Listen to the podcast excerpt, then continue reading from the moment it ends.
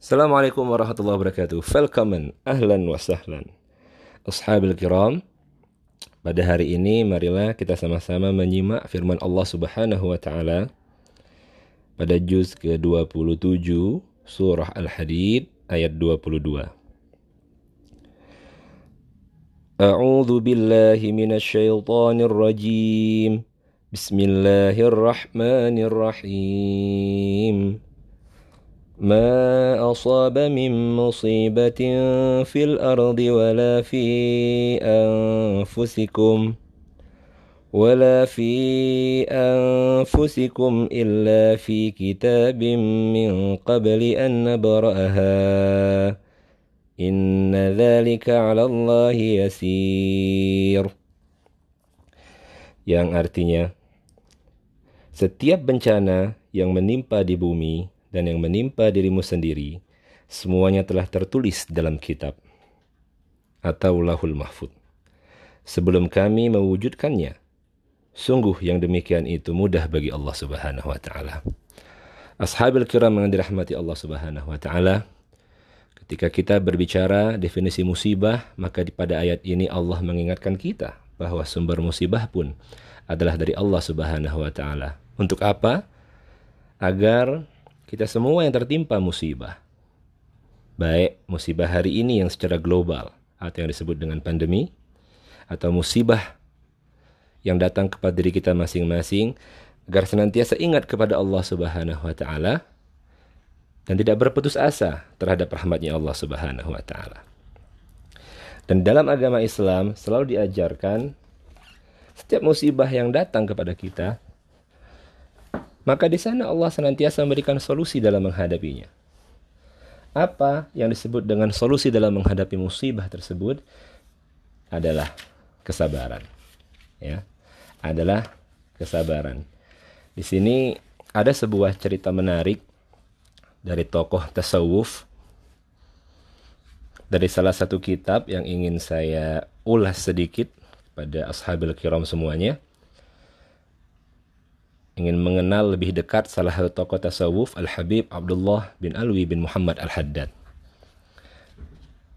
Berkaitan dengan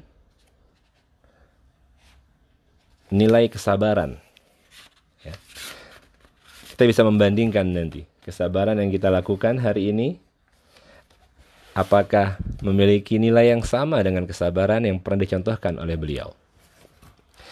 Namun sebelumnya, sebagai makhluk yang tidak diberikan hak pilihan apa pun oleh Allah Subhanahu wa taala untuk menentukan nasib dan keberuntungannya, maka kita senantiasa disuruh bersabar ketika diuji dan dicoba. Jelas, seperti musibah yang kita dapatkan pada hari ini.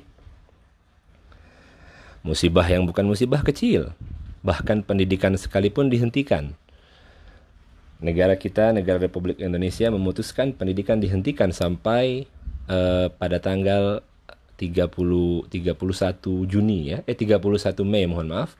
30 akhir Mei itu karena apa? Karena untuk menahan penyebaran yang disebut dengan uh, eh, COVID-19 ini. Dan ini bukan hal yang membuat kita bahagia. Dan kita mencoba sebuah pembiasaan baru termasuk materi ini dibuat juga adalah untuk agar ashabil kiram semuanya bisa memahami bahwa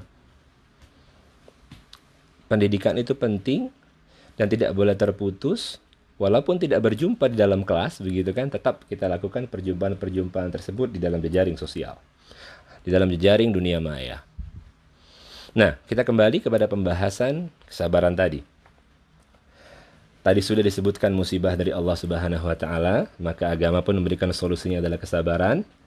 Di sini agar kita menjadi orang yang optimis dan beruntung, maka Allah memberikan solusi dari musibah yang dihadapi tadi adalah dengan nilai-nilai kesabaran. Kita kembali merujuk kepada dalilnya Allah Subhanahu wa taala yang berbunyi A'udzu billahi minasyaitonir rajim. Bismillahirrahmanirrahim. ولنبلونكم بشيء من الخوف والجوع ونقص من الأموال والأنفس والثمرات وبشر الصابرين الذين إذا أصابتهم مصيبة قالوا إنا لله وإنا إليه راجعون أولئك عليهم صلوات من ربهم ورحمة وأولئك هم المهتدون Ayat ini ada pada Quran surat Al-Baqarah ayat 155 sampai 157. Yang artinya, dan sungguh akan kami berikan cobaan kepadamu dengan sedikit ketakutan, kelaparan, kekurangan harta, jiwa, dan buah-buahan. Dan berikanlah berita gembira kepada orang-orang yang sabar. Nah, note di sini ya, sabar. Yaitu orang-orang yang apabila ditimpa musibah, mereka mengucapkan inna lillahi wa inna ilaihi raji'un. Yang arti kalimat inna lillahi wa inna ilaihi raji'un itu adalah sesungguhnya kami adalah milik Allah Subhanahu wa taala dan kepadanya lah kami kembali. Mereka itulah yang mendapatkan keberkahan yang sempurna dan rahmat dari Allah. Dan mereka itulah orang-orang yang mendapatkan petunjuk. Sekali lagi, ini ada pada Quran Surat Al-Baqarah ayat 155 sampai 157. Nah, eh, kalimat Inna lillahi wa inna ilaihi raji'un itu dikenal dengan nama kalimat istirja. Kalimat istirja itu adalah kalimat pernyataan, pernyataan kembali kepada Allah Subhanahu wa taala. Kita disunahkan loh untuk menyebutkan kalimat tersebut sewaktu ditimpa musibah, ditimpa malapetaka yang besar maupun yang kecil. Seperti hari ini ya. Tidak sekolah sampai tanggal 30 Mei, akhir Mei. Nah, siyogianya kita sebagai muslim mengucapkan inna lillahi wa inna ilaihi raji'un. Karena kita terjeda oleh satu musibah yang global yang menimpa dunia pada hari ini. Awas, jangan malah bersyukur, malah senang tidak sekolah karena proses pendidikan itu terus berjalan. Kenapa proses pendidikan itu harus terus berjalan? Walau kerja atau belajar di rumah masing-masing, karena agama kita, agama Islam mensyariatkan pendidikan itu pada saat pertama kali awal turunnya ayat Al-Quran di Goa Hiro. Yaitu surat Al-Alaq 1 sampai 5. Sepakat semua pakar, semua ahli pendidikan menyatakan surah Al-Alaq ayat 1 sampai 5 ini menekankan kepada pendidikan. Belum lagi kalau kita mempelajari ayat yang kedua. Ayat yang kedua itu berkaitan berkaitan dengan uh, pendidikan. Ayat yang kedua itu berkaitan sekali dengan yang namanya pendidikan.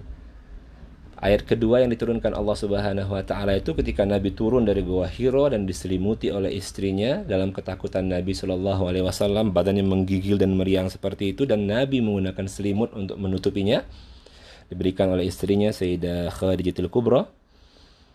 Di sana turun ayat selanjutnya yang berbunyi, ikhwah, para ikhwatul kiram, ashabil kiram semuanya ingat, yaitu surat Al-Mudathir A'udzu billahi minasyaitonir rajim. Bismillahirrahmanirrahim. Ya ayyuhal mudaththir.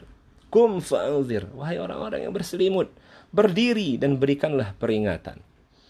Al-ayah selanjutnya. Ayat yang kedua yang juga berkaitan dengan pendidikan itu nilai etos. Saya katakan seperti itu. Nilai giat. Baik giat dalam rangkaian ibadah atau giat dalam rangkaian muamalah.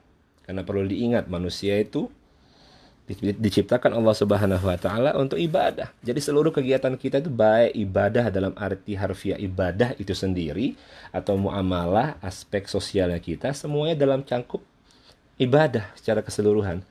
Hidup kita ini untuk ibadah, pendidikan untuk ibadah, ya.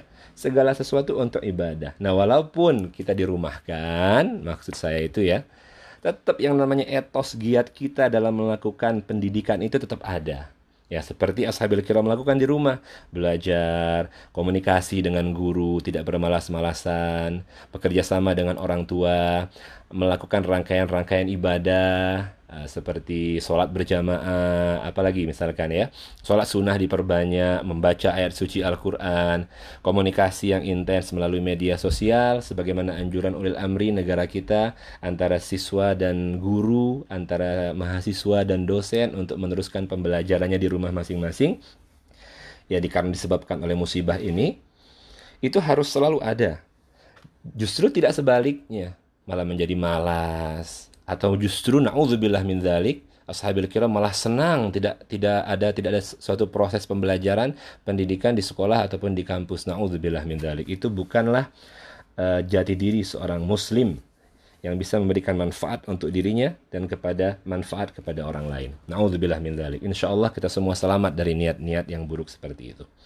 Nah, kembali kita ke dalam materi ini, kalimat istirja tadi selalu senantiasa kita sebut ya, inna lillahi wa inna ilaihi rajiun.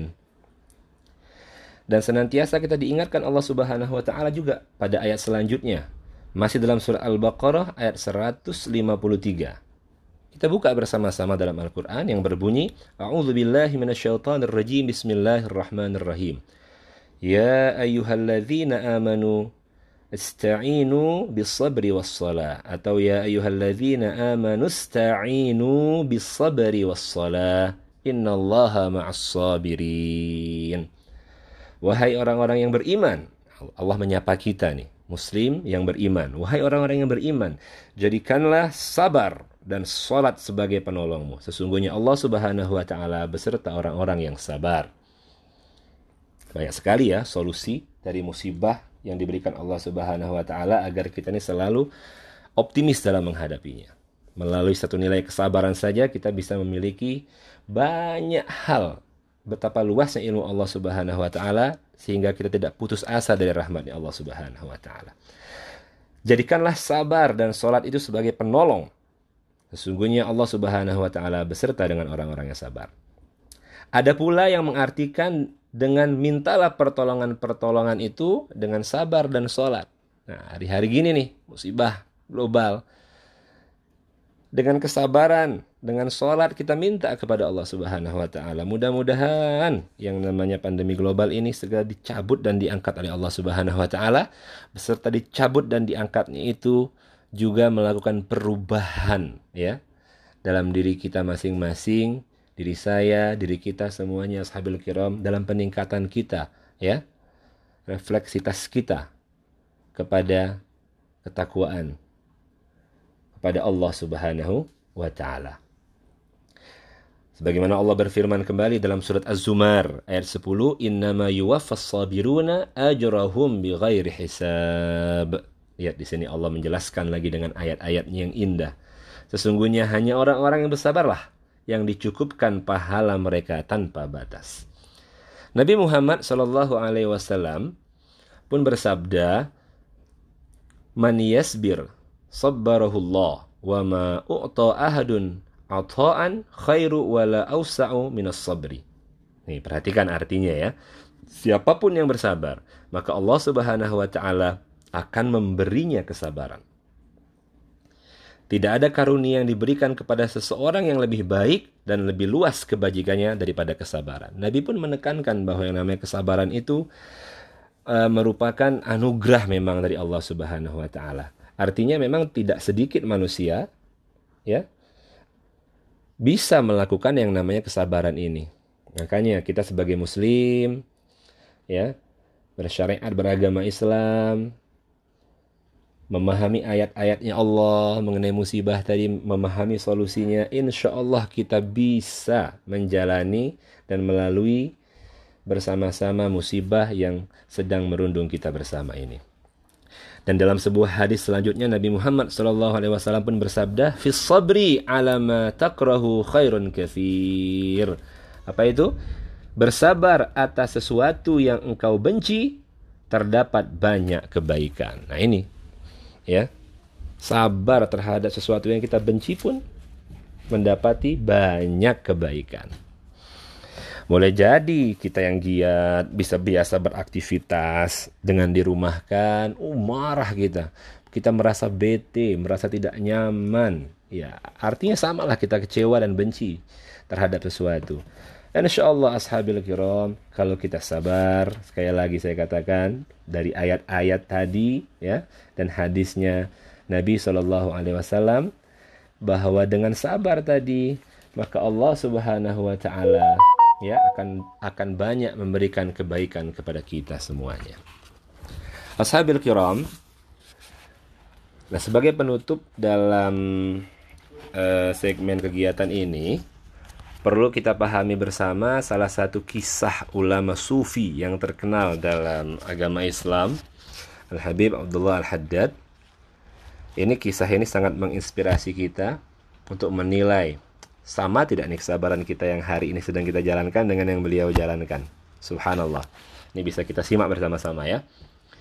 Al-Habib Abdullah sejak masa kecilnya sudah mengalami berbagai cobaan di antaranya adalah ketika ia menderita penyakit cacar sampai kedua matanya buta atau tidak dapat melihat. Penyakit yang menyebabkan kedua matanya buta. Meskipun begitu, ia rajin mencari ilmu dan beribadah di masa kecilnya. Hingga melakukan sholat sunnah 100 rekaat setiap paginya hingga waktu zuhur tiba. Disebutkan bahwa ia selalu menyembunyikan berbagai cobaan yang dideritanya sampai akhir hayatnya.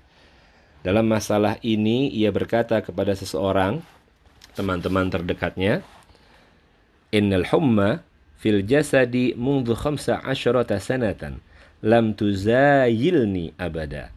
Walam ya'lam bidzalika ahadun hatta ahlu baiti. Ini artinya nih, ini curhatan beliau kepada sahabatnya, kepada temannya yang artinya sesungguhnya penyakit demam di tubuhku sudah ada sejak 15 tahun yang lalu dan hingga kini masih belum meninggalkan aku. Meskipun demikian, tidak seorang pun yang mengetahui penyakitku ini sampai pun keluargaku sendiri. Dan di dalam kesempatan lain beliau berkata, laisa lana lazzatun fi makhatabatin nasi wala fi kalamihim wala nubali bi ahadin wala nakhafu min ahadin ghairallah walakinna nu'amiluhum bis sabri ma dama as-sabru yahsunu fa idza jaa ma la yasbiru alaihi fanahnu rijalun.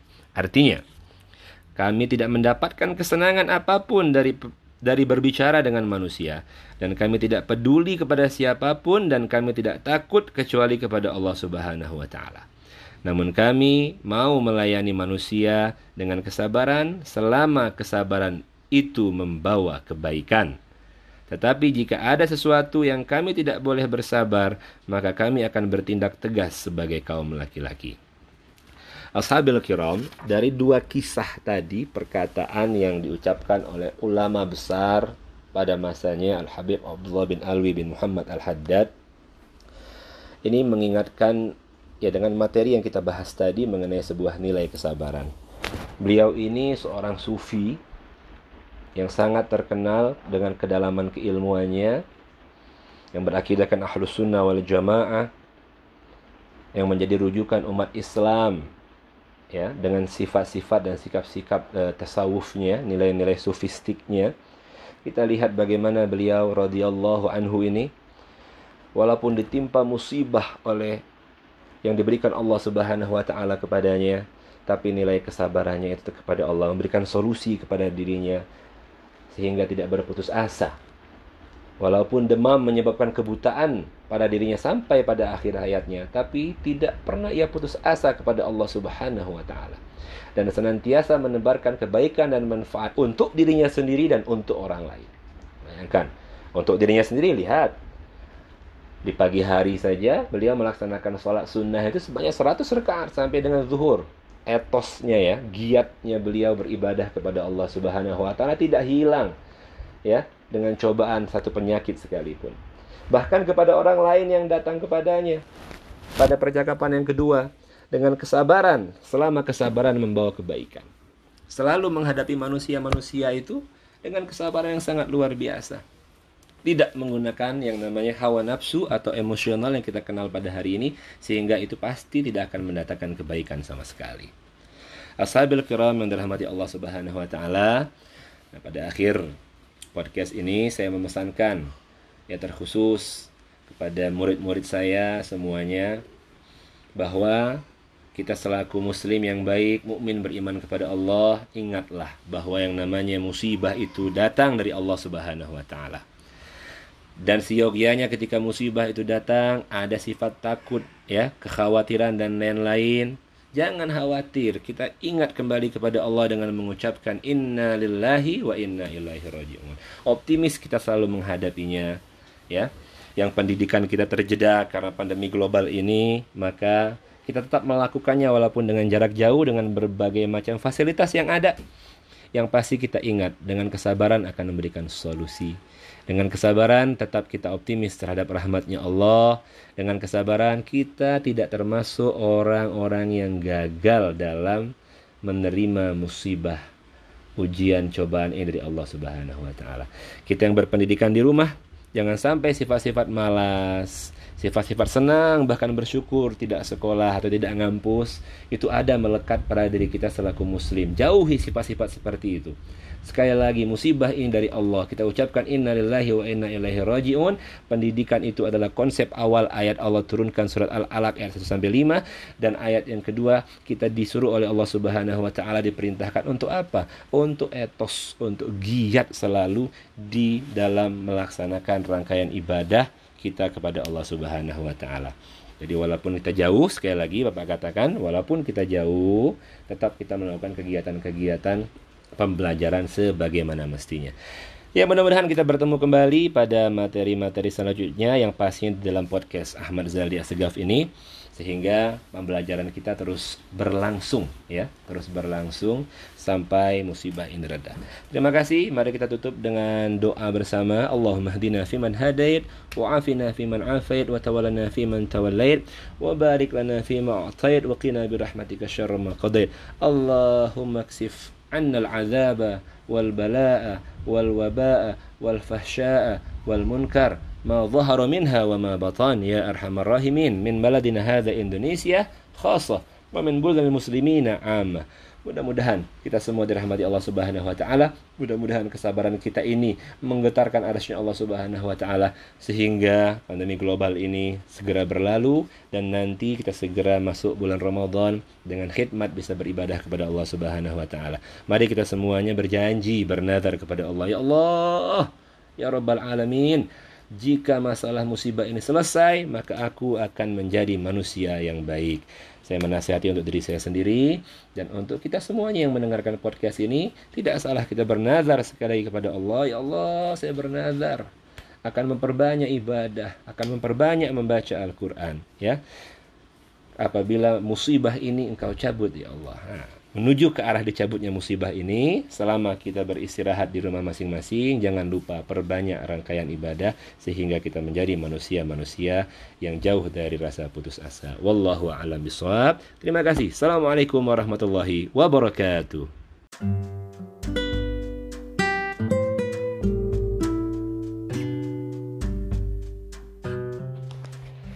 Assalamualaikum warahmatullahi wabarakatuh Ashabil kiram eh, yang dirahmati Allah subhanahu wa ta'ala Pada hari Jumat semester 2 perdana ini Pada program Pecimas Semoga kita semua senantiasa dalam lindungan Allah subhanahu wa ta'ala. Terkhusus kepada seluruh siswa-siswi SMP Laboratorium Percontohan UPI dan keluarganya yang ada di rumah Semoga dalam naungan keselamatan dan kesehatan serta ketetapan iman dan Islam dari Allah Subhanahu wa taala. Nah, eh, marilah pada hari ini kita buka eh, materi kita bersama dengan sama-sama kita kembali mendengarkan nasihat-nasihat dari baginda Nabi Muhammad sallallahu alaihi wasallam dari hadis-hadisnya Nabi Muhammad sallallahu alaihi wasallam tentang bab takut kepada Allah dan hanya berharap kepada Allah Subhanahu wa taala. Para ananda yang dirahmati Allah Subhanahu wa taala, di tengah pandemi seperti ini sudah seyogianya kita meningkatkan ibadah kita kepada Allah Subhanahu wa taala kita meninggalkan seluruh identitas duniawi kita yang berlebihan. Bukan tidak boleh duniawi itu, tapi terkadang manusia ketika dia mengkiblatkan dirinya kepada dunia, maka dunia menggiringnya, membawa sampai kepada tujuan yang tak menentu sehingga dia melupakan hakikat dari penciptaannya yaitu untuk beribadah kepada Allah Subhanahu wa taala dalam kitab Riyadhus Salihin berikut ini mari kita sama-sama membaca dan melihat firman Allah dan hadis Nabi Muhammad sallallahu alaihi wasallam yang membahas tentang Allah dan hanya berharap kepada Allah Subhanahu wa taala. Allah berfirman, qala Allah taala wa iyaya farhabun dan hanya kepadakulah kamu sekalian harus takut. Dan Allah berfirman kembali, Inna batasha rabbika lasyadid. Sesungguhnya siksaan Tuhanmu sangatlah keras. Allah berfirman pada ayat yang lain, Qala Allah Ta'ala, Qul ya ibadiyalladzina asrafu ala anfusihim la taqnatu min rahmatillah innallaha yaghfirudz dzunuba jami'a innahu huwal ghafurur rahim. Katakanlah wahai hamba-hambaku yang melampaui batas terhadap diri mereka sendiri janganlah kamu sekali berputus asa dari rahmat Allah Subhanahu wa taala. Sesungguhnya Allah Maha mengampuni seluruh dosa-dosa semuanya Sungguhnya dia adalah zat yang maha pengampun lagi maha penyayang. Para ananda, para mustami'in yang menyimak podcast pada Jumat pagi hari ini, Nabi Muhammad Shallallahu Alaihi Wasallam bersabda, عن ابن مسعود رضي الله عنه قال حدثنا رسول الله صلى الله عليه وسلم وهو الصادق مصدوق. إن أحدكم يجمع خلقه في بطن أمه أربعين يوما نطفة ثم يكون علقة مثل ذلك ثم يكون مضغة مثل ذلك ثم يرسل الملك فينفخ فيه الروح ويؤمر بأربع كلمات يكتب رزقه وأجله وعمله وشقي أو سعيد. فوالذي لا إله إلا لا إله غيره إن أحدكم لا يعمل بعمل أهل الجنة حتى ما يكون بينه وبينها إلا ذراع فيسبط عليه الكتاب فيعمل بعمل أهل النار فيدخلها. وإن أحدكم la ya'malu bi amali ahli nar hatta ma yakunu bainahu wa bainaha illa zira'un fayasbiqu alaihi alkitabu fayamalu bi amali ahli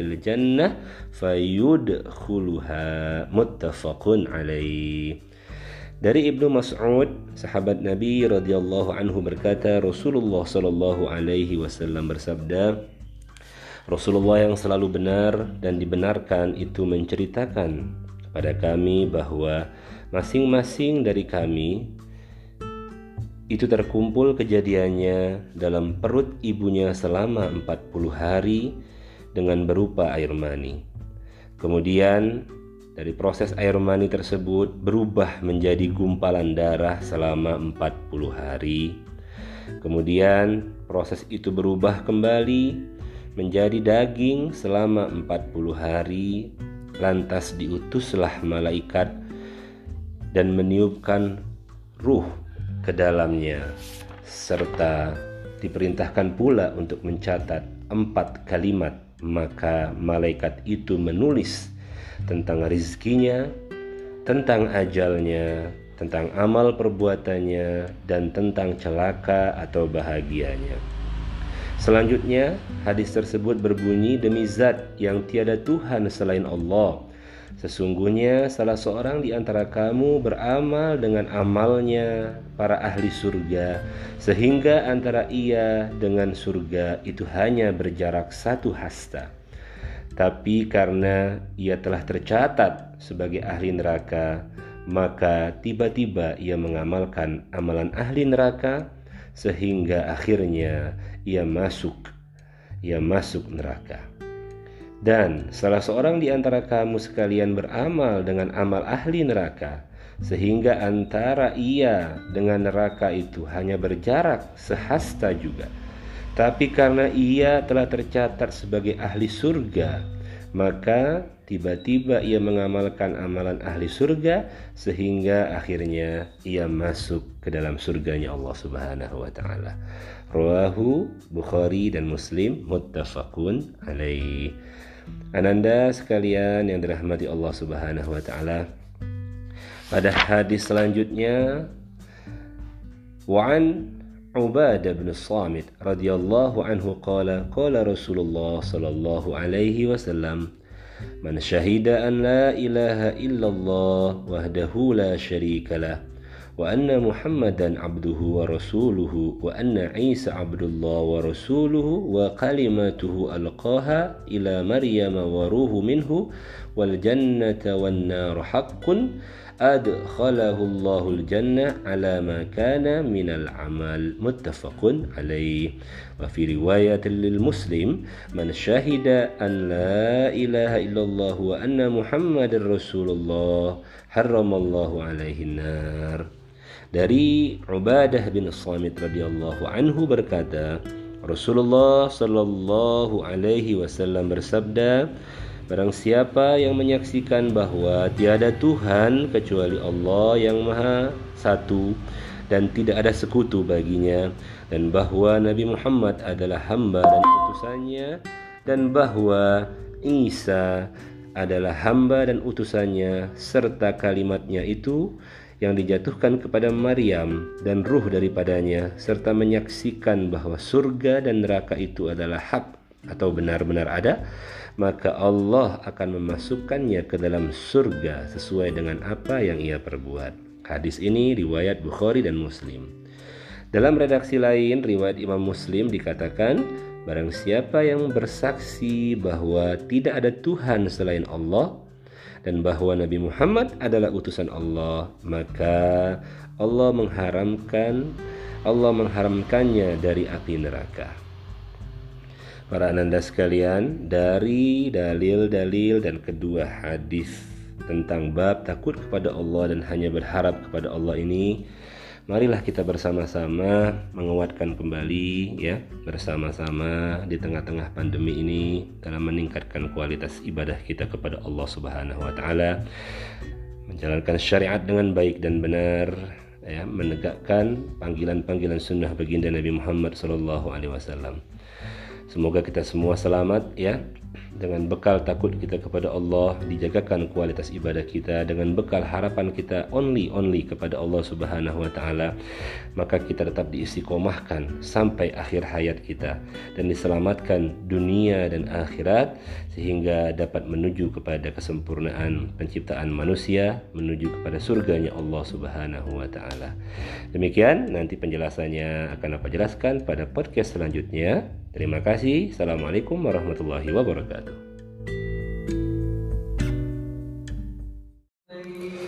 Assalamualaikum warahmatullahi wabarakatuh. Welcome, selamat datang kembali di podcast Ananda yang dirahmati Allah subhanahu wa ta'ala Jumat lalu kita sudah membacakan dua hadis yang berkaitan dengan takut kepada Allah dan hanya berharap kepada Allah subhanahu wa ta'ala. Sedikit penjelasan dari Bapak yaitu Allah subhanahu wa ta'ala pada hadis di podcast sebelumnya yang telah menyebutkan bahwa Allah lah yang menciptakan kita mulai dari sebuah proses air mani kemudian menjadi segumpal darah kemudian menjadi segumpal daging 40 hari ya. 40 hari 40 hari yang berada di kandungan ibu.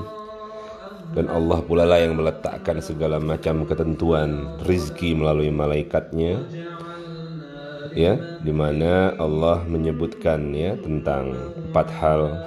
Rizki kemudian ajal kemudian perbuatannya celaka atau bahagia.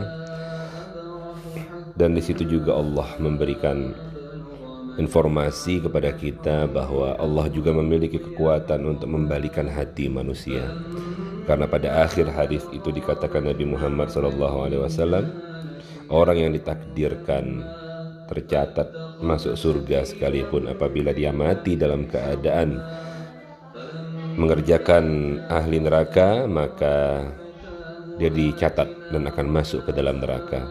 Begitupun sebaliknya ahli neraka maka dia akan tercatat masuk ke dalam surga jika dia mengerjakan pada akhir hayatnya perbuatan-perbuatan ahli surga Untuk itulah kita harus senantiasa mengingat Allah, takut kepada Allah dan meminta dan berdoa kepada Allah Subhanahu wa taala dengan doa yang umum yang sering kita baca.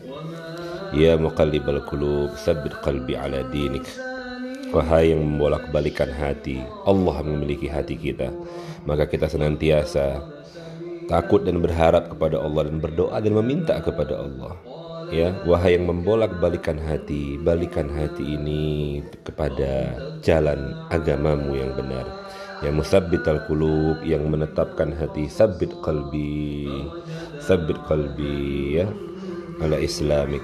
Ya tetapkan hati ini atas agama Islam yang disyariatkan engkau melalui baginda Nabi Muhammad sallallahu alaihi wasallam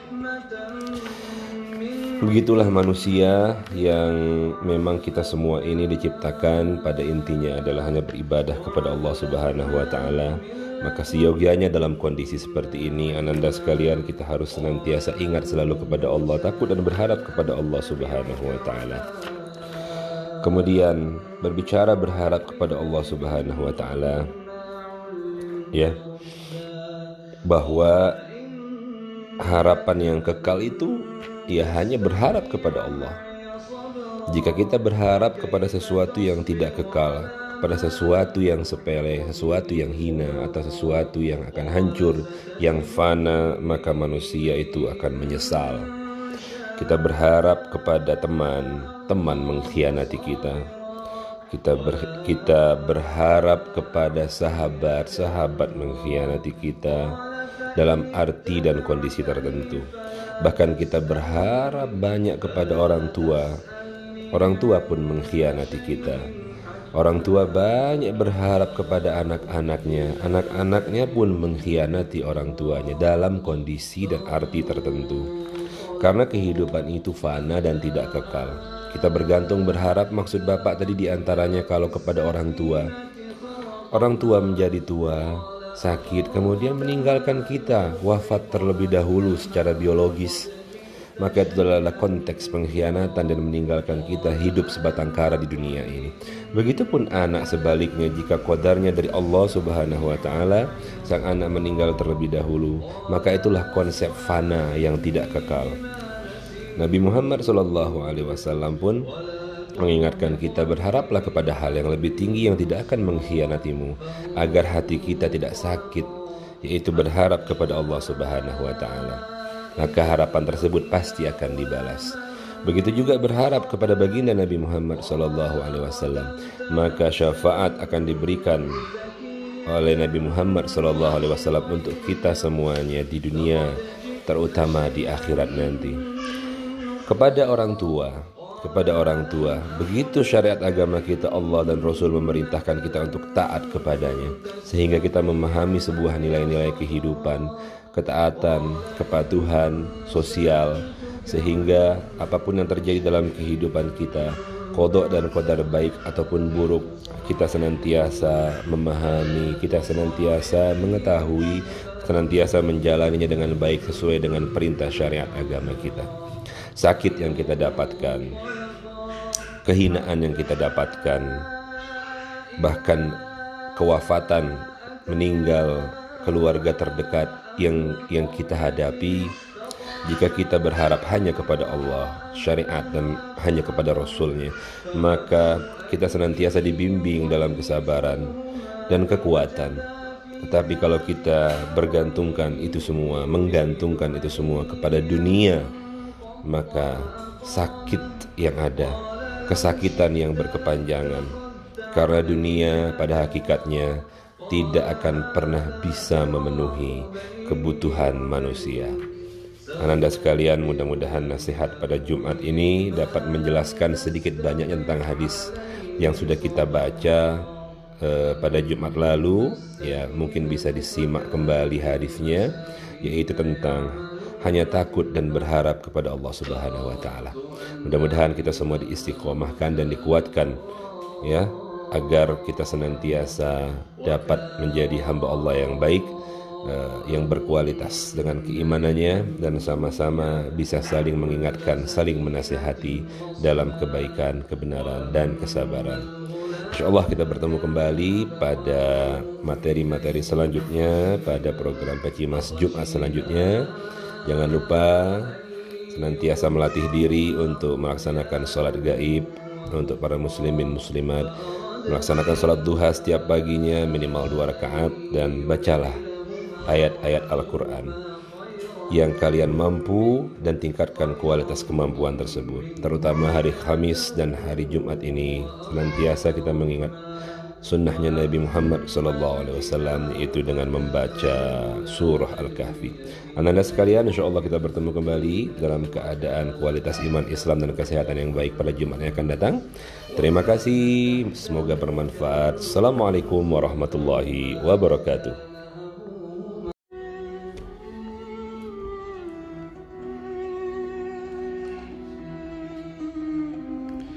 Bismillahirrahmanirrahim. Assalamualaikum warahmatullahi wabarakatuh. Selamat datang kembali kepada para ananda di podcast khusus untuk Peci Mas ini ya. Pada segmen ke ketiga ya Pada program Peci Mas ini Kita akan membahas kembali tentang keutamaan lagi ya. Keutamaan berharap kepada Allah Subhanahu wa taala. Kalau kemarin membahas tentang takut dan berharap kepada Allah ini keutamaannya. Allah Subhanahu wa taala berfirman dalam Al-Qur'an, "Wa ufawwidu amri ila Allah, innallaha basirun bil ibad." Wa Allah sayiati ma makaru.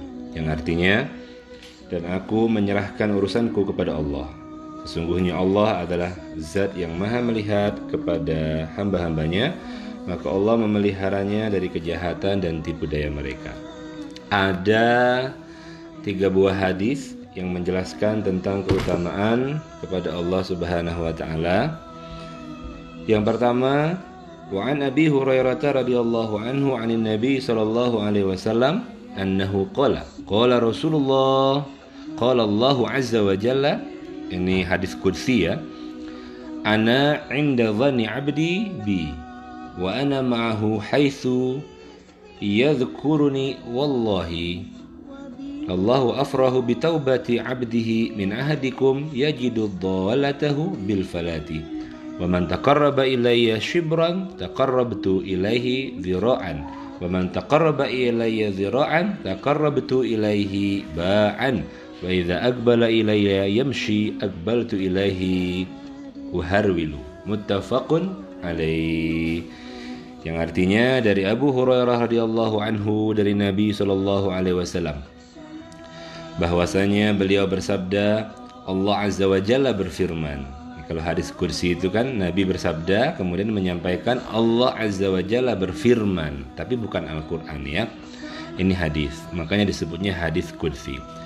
Isinya adalah aku selalu mengikuti prasangka hambaku dan aku selalu bersamanya selama ia mengingatku. Nah ini hati-hati loh kita ya. Makanya senantiasa menjaga prasangka kita kepada Allah Subhanahu wa taala.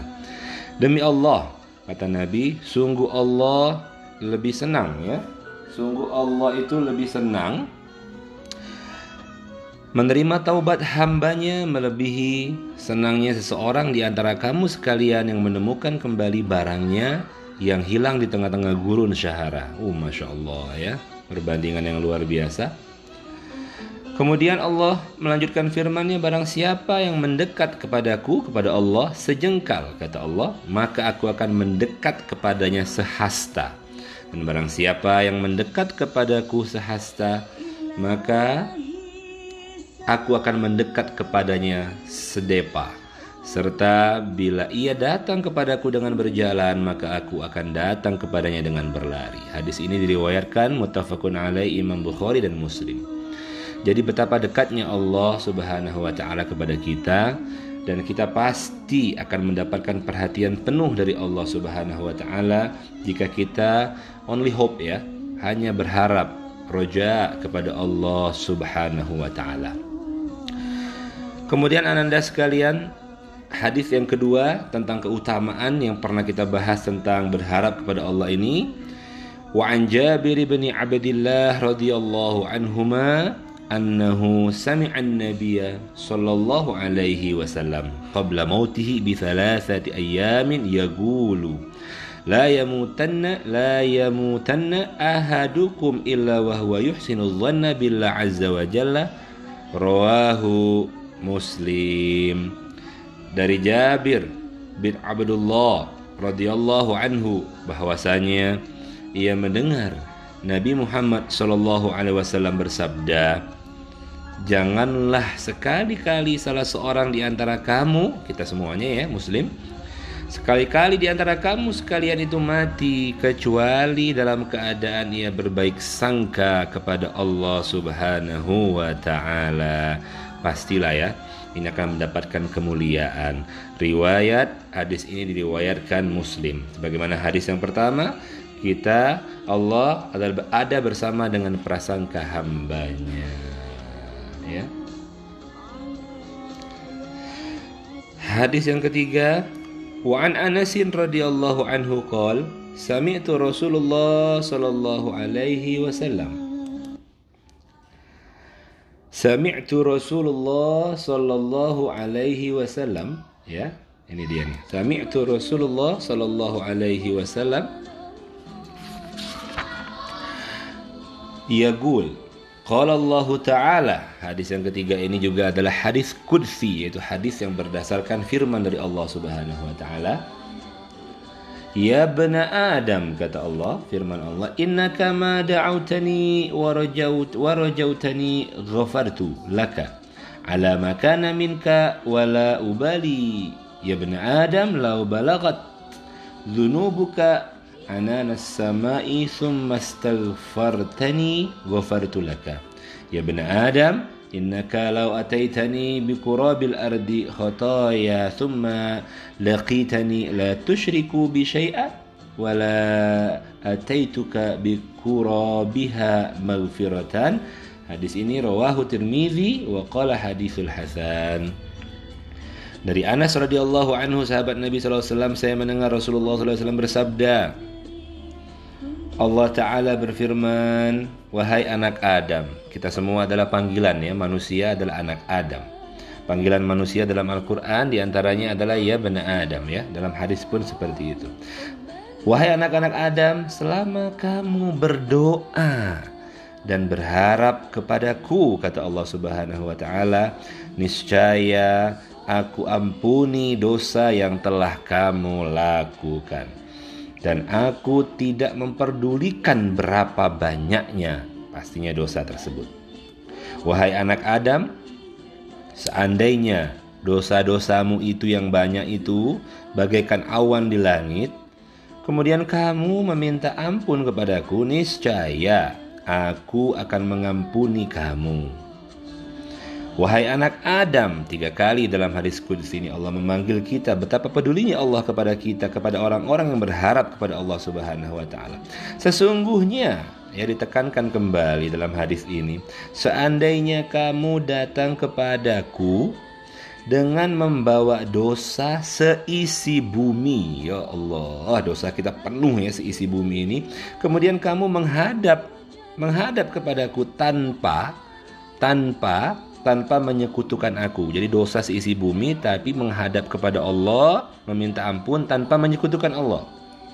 Maka aku dengan sesuatu apa pun ya tanpa men, tanpa menyekutukanku kata Allah Subhanahu wa taala tanpa menyekutukanku sama sekali maka aku akan mengampuni dosamu yang seisi bumi itu. Hadis riwayat Tirmizi dan hadis ini hasan. Jadi betapa besar ya keutamaan kita berharap kepada Allah Subhanahu wa taala ya, sebesar apa pun dosa kita ya, selama kita tidak menyekutukan Allah Subhanahu wa taala.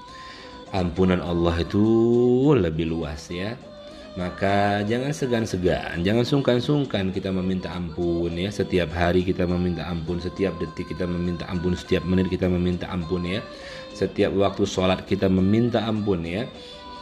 Ingat ketika ini dan itu kalau salah meminta ampun baca istighfar astaghfirullahaladzim aku ber, aku aku meminta ampun ya memohon ampun kepada Allah ya wa atubu ilallah dan taubat kepada Allah Subhanahu wa taala Itulah ya besarnya keutamaan harapan itu dibukakan Allah bagi orang-orang yang benar-benar mau mengubah dirinya ke arah yang lebih baik. Tapi yang pasti taubat itu dalam syariat kita adalah taubatan nasuha. Taubat yang ketika seseorang sudah meminta ampun terhadap satu perbuatan maka dia tidak mengulanginya lagi jadi bukan berarti dia kontinuitas mengulanginya lagi, mengulanginya lagi, mengulanginya lagi. Walaupun hamba tersebut mengulangi terus-menerus dan dia meminta ampun, maka Allah pasti akan mengampuninya. Tapi hati-hati ya. Kita kadang tidak tahu kapan waktu kita berakhir di dunia ini, kapan kematian datang kepada kita dan semoga ketika kematian datang itu kita dalam kondisi sudah meminta ampun yang benar kepada Allah Subhanahu wa taala. Itulah keutamaan, keutamaan kita berharap kepada Allah Subhanahu wa taala dan jangan pernah putus asa dari rahmat Allah Subhanahu wa taala. Terima kasih. Assalamualaikum warahmatullahi wabarakatuh.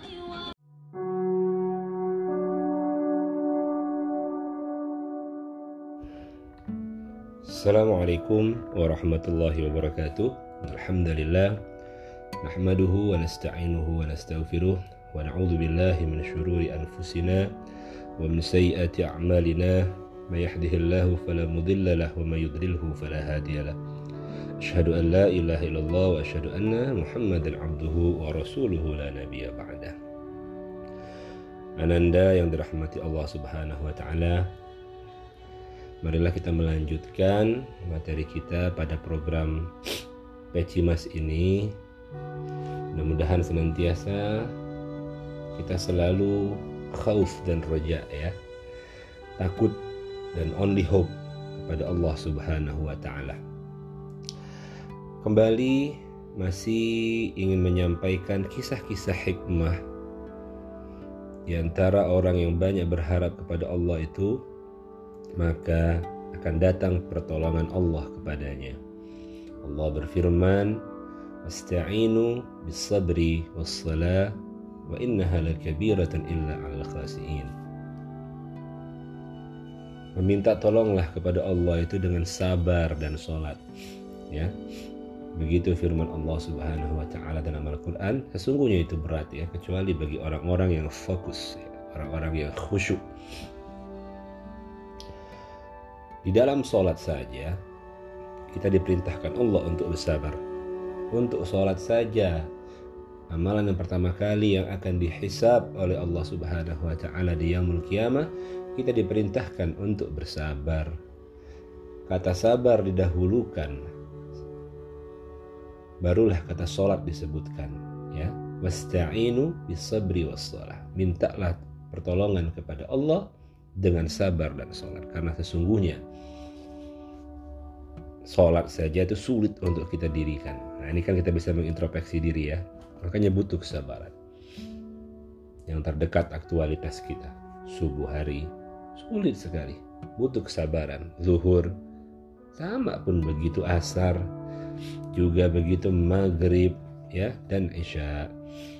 Bahkan tanda-tanda orang munafik itu adalah dia berat di antara lima sholat yang disebutkan tadi dia sangat berat melaksanakan dua waktu sholat yaitu subuh dan isya. Tapi insya Allah kita semua selamat dari gelar-gelar munafik itu. Tapi kita senantiasa memaintenance kesabaran kita untuk selalu meminta pertolongan sehingga kita menggantungkan harapan kita kepada Allah. Sama juga dengan surat Al-Fatihah yang kita baca. Bentuk aktualitas kita yang kita verbalkan, kita lisankan kepada Allah setiap sholat dalam setiap rakaatnya pada ayat yang kita baca A'udzubillah minasyaitonir rajim. Iyyaka na'budu wa iyyaka nasta'in.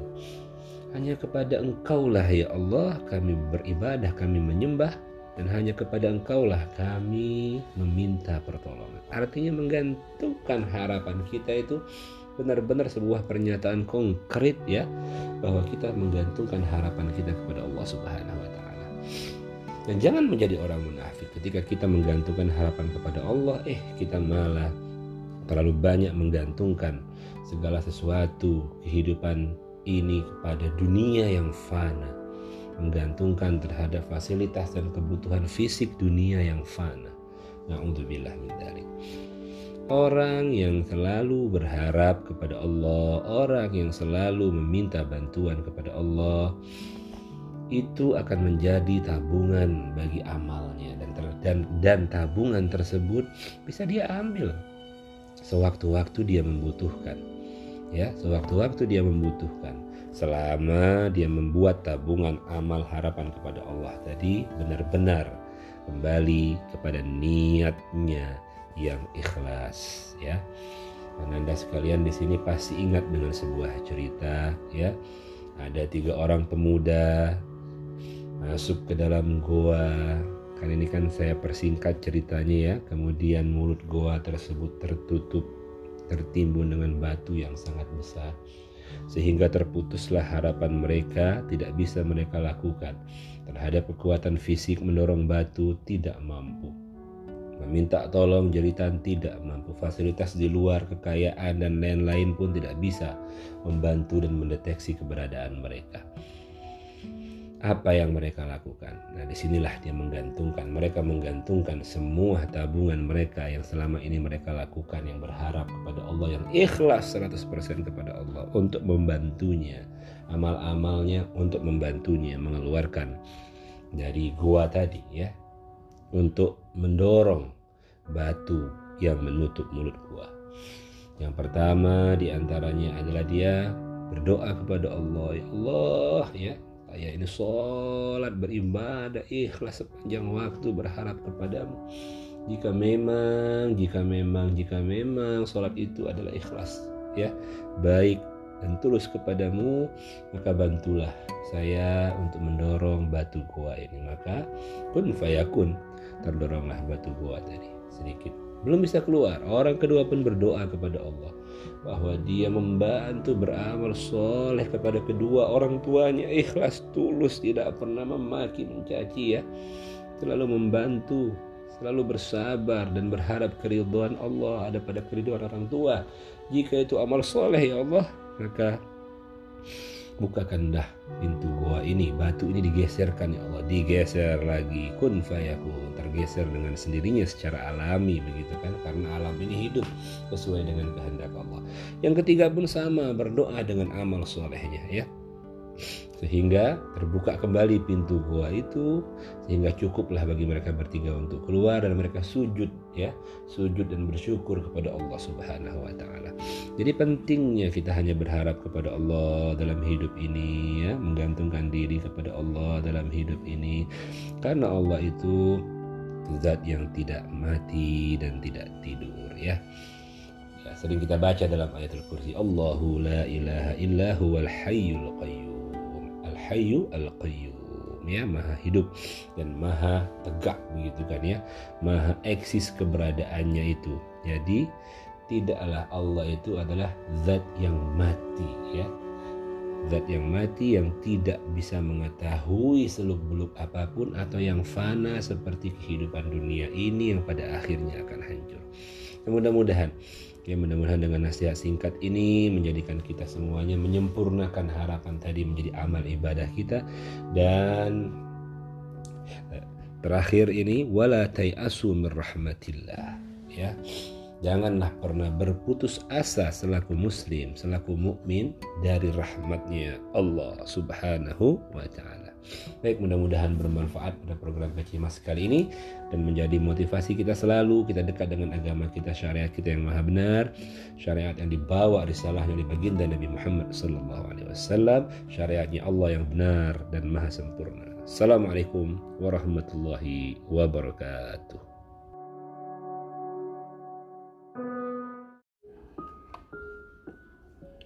Assalamualaikum warahmatullahi wabarakatuh bertemu kembali di podcast Ahmad Zaldi Asegaf.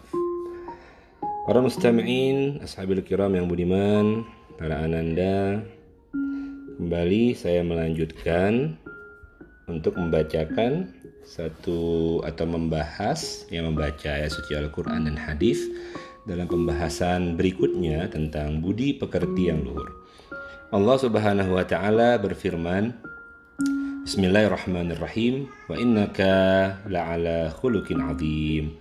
Sesungguhnya engkau wahai Muhammad sallallahu alaihi wasallam benar-benar berbudi pekerti yang luhur. Dan Allah juga berfirman, "Wal kadhimin al-ghaidha wal 'afina 'anil nas wallahu yuhibbul muhsinin." Artinya, dan orang-orang yang menahan amarahnya serta suka memaafkan kesalahan orang lain, Allah menyukai orang-orang yang berbuat baik. Hadis pertama tentang budi pekerti yang luhur ini ya. Wa an Anas radhiyallahu anhu qala kana Rasulullah sallallahu alaihi wasallam ahsanan nasi khuluqan muttafaqun alaihi dari sahabat Nabi yang bernama Anas radhiyallahu anhu berkata bahwa Rasulullah shallallahu alaihi wasallam bersabda, Rasulullah SAW adalah orang yang paling baik budi pekertinya. Itu kata sahabat Nabi Anas radhiyallahu anhu. Hadis ini diriwayatkan oleh Bukhari dan Muslim. Nabi Muhammad sebagai suri teladan kita, ya, maka kemutlakan nilai budi pekerti ada pada dirinya dan kesempurnaan yang disempurnakan oleh Allah Subhanahu wa taala yang dijagakan oleh Allah Subhanahu wa taala untuk mensucikan dan meninggikan derajat beliau sebagai uswatun hasanah kita. Hadis kedua, wa anhu radhiyallahu anhu qala ma mistu dib dibajan ya dibajan wala hariran wala harira aliyana min kafi Rasulillah sallallahu alaihi wasallam ولا ش ولا ولا شممت رائحة قط أطيب من رائحة رسول الله صلى الله عليه وسلم Rasulullah sallallahu alaihi wasallam asyara sinina fama qala li qad uffin wala qala li syai'in fa'altuhu lima fa'altahu wala li syai'in lam af'alhu ala fa'alta kadza muttafaqun alaihi. Masih dari sahabat Nabi yang bernama Anas radhiyallahu anhu berkata Beliau pernah saya, belum pernah saya memegang sutra baik yang tebal maupun yang tipis yang lebih halus dari tangan Nabi Muhammad Shallallahu alaihi wasallam. Begitu kata Anas radhiyallahu anhu. Dan saya belum pernah mencium bau yang lebih harum dari bau Rasulullah Shallallahu alaihi wasallam. Saya pernah menjadi pelayan Rasulullah Shallallahu Alaihi Wasallam selama 10 tahun. Beliau sama sekali tidak pernah mengatakan hus kepada saya. Begitu pula beliau tidak pernah menegur dengan ucapan, "Kenapa kamu berbuat seperti itu?" terhadap apa saja yang saya kerjakan. Dan beliau juga tidak pernah menegur dengan ucapan, "Kenapa kamu tidak berbuat demikian?" terhadap apa saja yang tidak saya kerjakan. Hadis riwayat Bukhari dan Muslim. Jadi dalam kesempurnaan akhlak baginda Nabi Muhammad ini sangatlah jelas bahwa kelembutan hati beliau dalam mengayomi umatnya sehingga nilainya itu terasa sampai hari ini. Tidak ada cacat dalam akhlak Nabi Muhammad SAW sebagai suri toladan kita dan tidak ada salahnya kita pun berusaha selalu sebagai manusia yang mempunyai tempat salah dan lupa untuk selalu memaksimalkan diri dalam dalam sisa hidup ini karena kita semua pasti akan mati untuk menuju kepada kesempurnaan akhlak. Kenapa betapa pentingnya akhlak itu? Akhlak itu kan banyak dalam kehidupan kita. Bisa kalau dalam aspek sekolah akhlak kepada orang tua, di rumah sudah pasti. Akhlak kepada guru ya, kepada teman-teman dalam masyarakat ya kepada pimpinan, kepada petinggi-petinggi kita di tempat kita bekerja, itu pun sama memiliki akhlak ya, atau uh, lebih dikenal dengan uh, satu sebutan yaitu profesionalitas yang dinaungi dalam akhlak yang islami. Begitu Nabi mencontohkan sehingga terjadilah komunikasi itu berbasis kepada akhlak. Jadi agama kita ini benar-benar diajarkan penekanan tentang akhlak dan dicontohkan oleh satu figur yang di yang dibentuk yang disempurnakan Allah Subhanahu wa taala dalam percontohannya ya. Kemudian hadis yang ketiga mengenai budi pekerti yang luhur ini wa anis Sa'ab bin Jassamah radhiyallahu anhu qala ahdaitu ila Rasulillah sallallahu alaihi wasallam himaran wahsyiyan faraddahu alayya falamma ra'a ma fi wajhi qala inna lam narudduhu alayka illa li'anna hurumun muttafaqun alaih dari Sa'ab bin Jassamah radhiyallahu an berkata, saya menghadiahkan seekor keledai yang liar kepada Rasulullah Shallallahu alaihi wasallam. Kemudian beliau mengembalikannya kepadaku. Ketika beliau melihat perubahan pada mukaku, beliau bersabda, ya karena Rasulullah mengembalikan kepada orang tersebut yang memberikan hadiah, terus Rasulullah melihat wajahnya berubah ketika dikembalikan. Kemudian beliau langsung bersabda, sesungguhnya aku tidak menolak pemberianmu ini hanya saja karena aku sedang ihram. Dalam prakteknya pun ketika diberikan sesuatu oleh orang lain, oleh sahabatnya, ketika Rasulullah menolaknya, maka Rasulullah memiliki cara yang diplomatis yang tidak sampai e, menyakiti orang lain. Jadi jangan sampai akhlak kita itu kita tinggalkan, kita keterbelakangkan, kita belakangkan terhadap kehidupan kita ini. Jangan sampai kita saling menyakiti satu sama lain. Karena perlu diingat loh ya, muslim dengan muslim itu doanya sangat berbahaya ya. Wali min aulia ilah. Kita harus saling menjaga itu. Itulah profesionalisme yang dinaungi berbasis kepada akhlak yang mulia dalam ajaran agama kita yang sempurna ini. Rasulullah saja ingin menolaknya, tapi menolaknya dengan mengutarakan sebuah nilai lagi bahwa aku sedang ihram. Kalaupun aku tidak sedang ihram kata Rasulullah, maka niscaya ya pasti aku akan menerima pemberian ini begitu Pak. begitulah uh, kurang lebih kita memahami hadis ini sehingga benar-benar sekali lagi yang namanya akhlak itu penting. Nah, para ananda, para muslimin di mana pun kita berada, itu harus kita jaga akhlak ya. Dalam kondisi apa pun dalam kondisi tertekan dalam kondisi apa pun ya dalam kondisi kita tidak sabar dalam kondisi kita marah dalam kondisi kita apa itu itu harus kita pikirkan tenangkan diri kita baik-baik. Apakah konteks akhlak ini ya bisa mengontrol kita dalam kehidupan? Jangan sampai kita kelepas kendali emosi dan lain-lain. Memang betul manusia ada kalanya marah manusia ada kalanya kecewa. Tapi perlu ketenangan, perlu berdiam diri, perlu berpikir apa saja yang pernah kita lakukan selama ini baik atau tidak perlu pendalaman dalam pemikiran, perlu perencanaan. Jadi kita berpikir dalam-dalam agar apa? Agar kita ini benar-benar berakhlak yang baik, akhlak untuk diri kita, akhlak untuk kepada orang lain dan akhlak untuk kita semuanya lah hidup ini saling memuliakan. Jadi syariat agama kita ini sangatlah sempurna ya, sangatlah sempurna. Kehidupan kita di zaman 5.0 ini perlu diperhatikan loh ya. Kadang-kadang tidak dalam lisan yang verbal langsung tapi dalam tulisan ya. Nih para ananda semuanya yang ada di media-media sosial ya. Hati-hati dalam bertulis-tulis, hati-hati dalam menulis-nulis apa pun status dan lain-lain ya. Bisa jadi sebuah kebaikan yang kita pesankan tapi kalau niat kita adalah untuk sesuatu yang tidak baik, tetap itu akan menjadi tidak baik ya. E, bisa jadi itu bisa menyindir orang lain dan sakit hati walaupun tidak tertuju kepada hal tersebut. Makanya dari itu akhlak sebagai indikator kita itu mukmin yang baik, maka tirulah baginda Nabi Muhammad Shallallahu alaihi wasallam dengan akhlaknya yang baik sebagai percontohan mutlak uswatun hasanah kita semua. Baik, terima kasih. Sampai ketemu pada podcast selanjutnya. Assalamualaikum warahmatullahi wabarakatuh.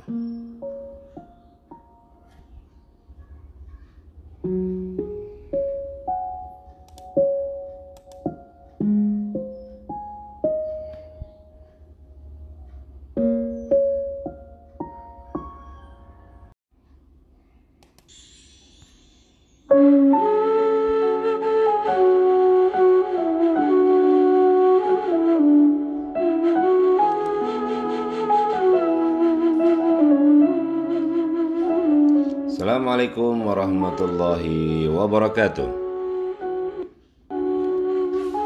Alhamdulillahirabbil alamin. Allahumma salli ala sayyidina Muhammadin wa ala alihi wa sahbihi ajma'in.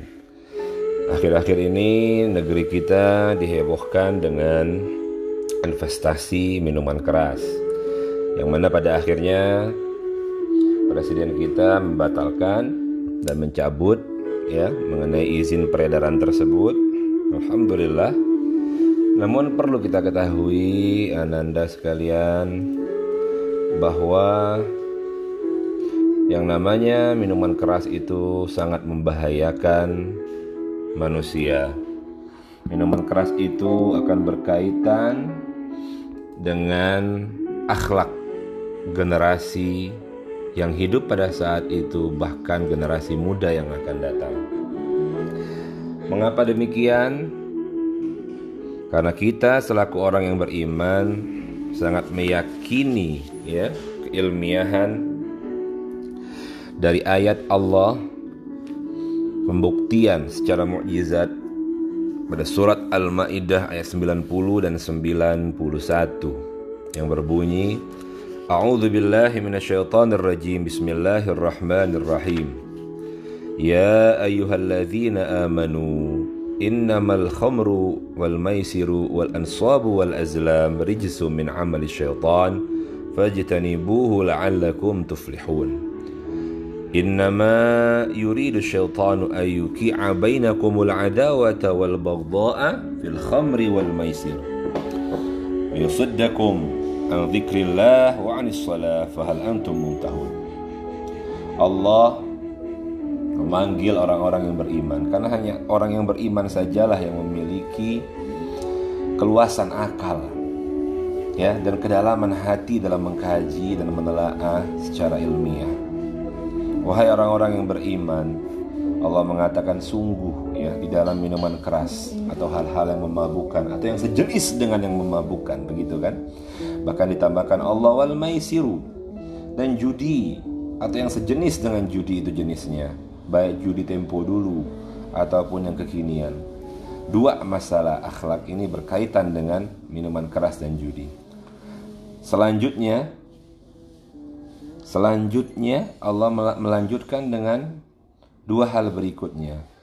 Wal maisiru wal maisiru wal an wal wal wal, wal ansabu maksud saya wal azlam. Yang mana kedua ini kaitannya dengan akidah. Apa itu? Memberikan sesembahan ya kepada selain kepada Allah wal azlam dan percaya kepada ramalan. Apa selanjutnya Allah mengatakan agar kita menelaah ini? Itu semua keempat hal itu yang mengganggu akhlak. Dua yang mengganggu akhlak Minuman keras dan judi. Dua yang mengganggu akidah Menyembah selain kepada Allah dan percaya kepada ramalan. Rejesun Allah menggunakan kata rejesun adalah sesuatu yang sangat keji di atasnya kotor. Kalimat ini ada tingkatannya ya. Kalau sekedar kotor biasa bisa dibersihkan tapi kalau ini rejesun keji ya keji perbuatan setan. Jadi hati-hati nih dengan perbuatan ini. Ya. Rejesun min amali syaitan. Ya adalah perbuatan setan. Makanya kalau yang melakukan judi, yang melakukan minuman keras, yang menyembah selain Allah, yang mempercayai ramalan, artinya akalnya itu tidak lurus, tidak baik, ya. Itu berarti bukan manusia, tidak menggunakan uh, potensi manusiawi. Artinya dia adalah setan. Jadi yang melakukan keempat hal itu tidak layak dipanggil manusia, dia adalah setan. Untung negara ini selamat ya, bukan menjadi negara setan presidennya tidak menjadi presiden setan, masyarakatnya tidak jadi masyarakat setan. Kalau sampai investasi minuman keras tadi eh, apa namanya? di digulirkan. Maksudnya setan ini adalah sifatnya mendekati sifat-sifat syaitania, manusia yang menjabatnya. Nah, selanjutnya Allah mengatakan firman yang berbunyi kepada orang yang beriman ini fajtanibu la'allakum tuflihun ya. Jauhilah dan jangan pernah kembali ya. Jauhilah dan jangan pernah melihat lagi Jauhilah dan jangan pernah mengulangi perbuatan itu lagi Agar kalian semua beruntung Tidak berhenti sampai di situ Pada ayat 91 kembali Allah menekankan dua hal yang pertama Yang berkaitan dengan akhlak ini amat penting Yaitu Innama Innama sesungguhnya yuridu syaitanu ayyuki'a bainakumul adawata wal baghdha'a fil khamri wal maisir. Setan menginginkan ya agar anak Adam ini bisa dia goda melalui minuman keras, hal-hal yang memabukkan dan al-maisiru dan perjudian. Agar anak-anak Adam ini semuanya saling bermusuhan, saling berselisih, saling membenci ya. Tanpa khomer tanpa maisir saja tanpa hal-hal yang memabukkan dan judi saja. Permusuhan terjadi ditambah dengan mabuk dan judi meningkat angka permusuhan apa fungsinya? kalau sudah mereka menjadi bermusuhan, berpecah belah, maka pertikaian terjadi dan tidak menutup kemungkinan pembunuhan akan saling uh, apa terjadi kembali dilakukan antar antar umat manusia. Fungsinya agar tetap yang namanya setan itu menginginkan manusia itu lupa dari ingat kepada Allah. Wa yasuddakum dan lupa terhadap yang namanya salat. Terakhir Allah menutup ayat ini kepada manusia yang berakal tadi yang beriman tadi. Fahal antum muntahun. Tidakkah kamu sekalian kata Allah ingin berhenti. Berhenti apa? Berhenti mengikuti setan. Berhenti mengikuti perbuatan apa? Minuman keras dan judi. Kenapa Allah menutup dengan dengan kalimat tanya kepada manusia, "Fahal antum muntahun?" Tidakkah kamu sekalian mau berhenti? Kenapa? Coba telah ah, fahal antum muntahun. Yang menciptakan manusia malah bertanya kepada manusia, Tidakkah kamu mau berhenti? Artinya Allah mengetahui betapa banyaknya manusia yang sudah tahu kalau minuman keras dan dan judi itu buruk dan bisa menyebabkan krisis akhlak ya, meningkatnya angka pembunuhan, meningkatnya angka kriminalisasi. Tapi Allah tahu manusia banyak ingin tetap ingin melakukan itu, tetap melakukan yang namanya mabuk, tetap melakukan judi, kan begitu. Jangankan seperti ini naudzubillah min dalik. Penegak hukum saja. Kalau kita lihat berita akhir-akhir di negara kita ya menjadi pejabat tinggi di salah satu badan penegak hukum tapi apa yang terjadi nah, dia sendiri menjadi pelaku pelaku apa pemabuk begitu kan ya bahkan terjebak dalam dunia hal-hal yang mabuk seperti itu. Nauzubillah min dzalik. Jadi kita harus keras, kita harus tegas, tapi memiliki dasar apa syariat agama Islam kita ini keras dan tegasnya itu untuk kebaikan.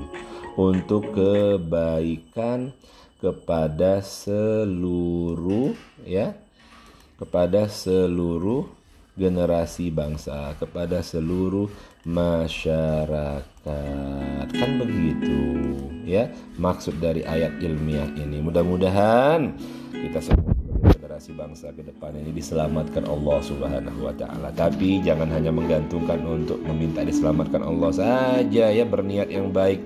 Betul niatnya bagus, optimisnya bagus, tawakalnya bagus, tapi ikhtiar juga harus sebagai konsekuensi manusia yang beriman. Untuk itu di akhir podcast ini Bapak terus akan menyuarakan melalui pendidikan, melalui cara Bapak mengajar kepada kalian semua. Say no to drug ya. Say no to drug. Say no to drug. Say no to drug ya. Tidak katakan tidak kepada yang namanya obat-obatan, narkoba, say no to alkohol ya. Kita adalah generasi bangsa yang madani agama kita adalah agama terbaik. Al-islamu ya'lu wa la yu'la. Ala islam itu memiliki nilai yang sangat tinggi yang tidak ada lebih tinggi daripada Islam. Dan kita terapkan itu dalam kehidupan kita sehingga kita bisa mengangkat derajat agama kita kembali. Dibanggakan oleh Nabi Muhammad mengangkat derajat bangsa dan negara kita pada pada saatnya kalian dipimpin memimpin amanah bangsa ini suatu saat nanti menjadi generasi kebanggaan negara Republik Indonesia. Terima kasih. Kita ketemu lagi pada podcast selanjutnya. Assalamualaikum warahmatullahi wabarakatuh.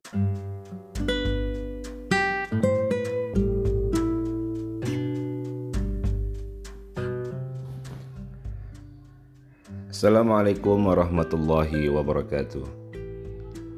Alhamdulillah kita berjumpa kembali pada podcast Ahmad Zaldi Asegaf. Ananda yang dirahmati Allah Subhanahu wa taala pada materi Pecimas kali ini Bapak sangat berharap Ananda sekalian bisa menyimak dengan baik dan benar bahwasanya ada beberapa sifat yang sudah kita ketahui dalam pembelajaran kita saat ini maupun pembelajaran kita sebelumnya bahwa sifat wajib bagi nabi dan rasul itu ada empat yaitu siddiq, amanah, tablik dan fatonah. Siddiq adalah berperilaku jujur, kemudian amanah adalah dapat dipercaya, tabligh adalah menyampaikan apa yang dirisalahkan dari Allah Subhanahu wa taala. Kemudian yang terakhir adalah fatanah, cerdas ya. Yang di dalamnya pintar, IQ-nya tinggi. Kemudian lawannya sebagaimana yang kita ketahui adalah sifat mustahil ya. Yaitu kizib lawan dari jujur yaitu perilaku dusta atau berbohong. Yang kedua khianat adalah lawan dari amanah. Kemudian yang ketiga adalah kitman, lawan dari tabligh, menyembunyikan apa-apa yang telah Allah informasikan kepada Nabi untuk umatnya.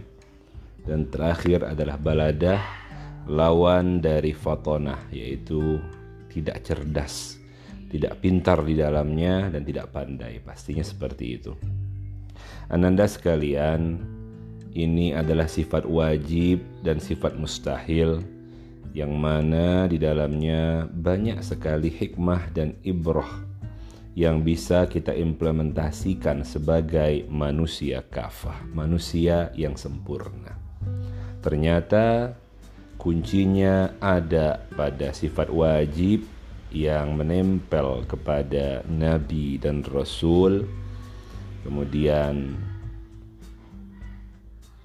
ada sifat-sifat yang harus dijauhi oleh manusia yang sempurna yang menuju kepada nilai kesempurnaan itu pun tidak dilakukan oleh para nabi dan rasul yaitu pada sifat mustahil yang empat yang tadi Bapak sebutkan pada perilaku jujur pada kondisi saat ini pada saat pembelajaran online, maka kejujuran kita dipertaruhkan. Akankah kita seperti nabi dan rasul yang memiliki karakter yang baik, jujur terhadap pembelajaran, hadir dalam pembelajaran, menghindari malas, tidak melakukan kebohongan dengan mengatakan hal yang tidak sebenarnya demi kesenangan dirinya sendiri. Tidak on cam, misalkan sering Bapak ucapkan ketika pembelajaran, mungkin dengan guru yang lain, atau tidak mengumpulkan tugas, atau mengisi presensi online dengan menyatakan kehadiran dirinya, tapi pada kondisinya pada saat pembelajaran dia tidak hadir. Karena yang namanya pembelajaran itu membutuhkan niat yang kuat, baik menghadirkan dirinya, mendengarkan. Dalam hal ini, kalau dalam pembelajaran online, yaitu dengan on-cam, memperhatikan gurunya menjelaskan dan memperhatikan pembelajarannya sampai ia memahami. Inilah perkara pertama, ya jika memang kita ini sebagai manusia ingin menjadi manusia yang sempurna, maka perkara jujur itu adalah sangat harus kita perhatikan dalam kehidupan kita. Karena jujur itu adalah kunci kesuksesan. Karena jujur itu akan membuka pintu-pintu masa depan yang lebih baik dan janganlah berperilaku dusta karena sesungguhnya dusta dan berbohong itu adalah perilaku yang akan membuka kebohongan-kebohongan atau kedustaan selanjutnya. Ulama dalam kaulnya banyak yang mengatakan bahwa yang namanya dusta itu sifatnya candu. Sekali ia berdusta atau berbohong, maka dia akan berdusta untuk kedua, ketiga, keempat, kelima, dan keenam kalinya dan seterusnya. Sekali manusia tersebut merasakan enaknya berbohong, berbohong yang kecil, yang ia rasa itu berhasil, maka dia akan melakukan kebohongan selanjutnya yang lebih besar lagi dari kebohongan sebelumnya. Jadi, mari kita bersama-sama sebagai hamba Allah, umatnya Nabi Muhammad SAW, sama-sama kita semuanya yang menyimak podcast ini, mari perilaku jujur kita junjung tinggi, kita junjung tinggi sehingga menjadi karakter yang sangat mendasar pada kepribadian kita. Dengan kejujuran, maka kita bisa melakukan segala sesuatu dengan sempurna. Wallahu a'lam bishawab. Insyaallah pada pertemuan selanjutnya Bapak akan membahas sifat ketiga, keempat dan sifat kedua, ketiga dan keempat maksud Bapak sehingga kita bisa benar-benar mewujudkan dan mengimplementasikan kehidupan kita ini menjadi insan kafah, insan kamil di hadapan Allah Subhanahu wa taala. Subhanakallahumma wa bihamdika asyhadu an la ilaha illa anta astaghfiruka wa atubu ilaik. Assalamualaikum warahmatullahi wabarakatuh.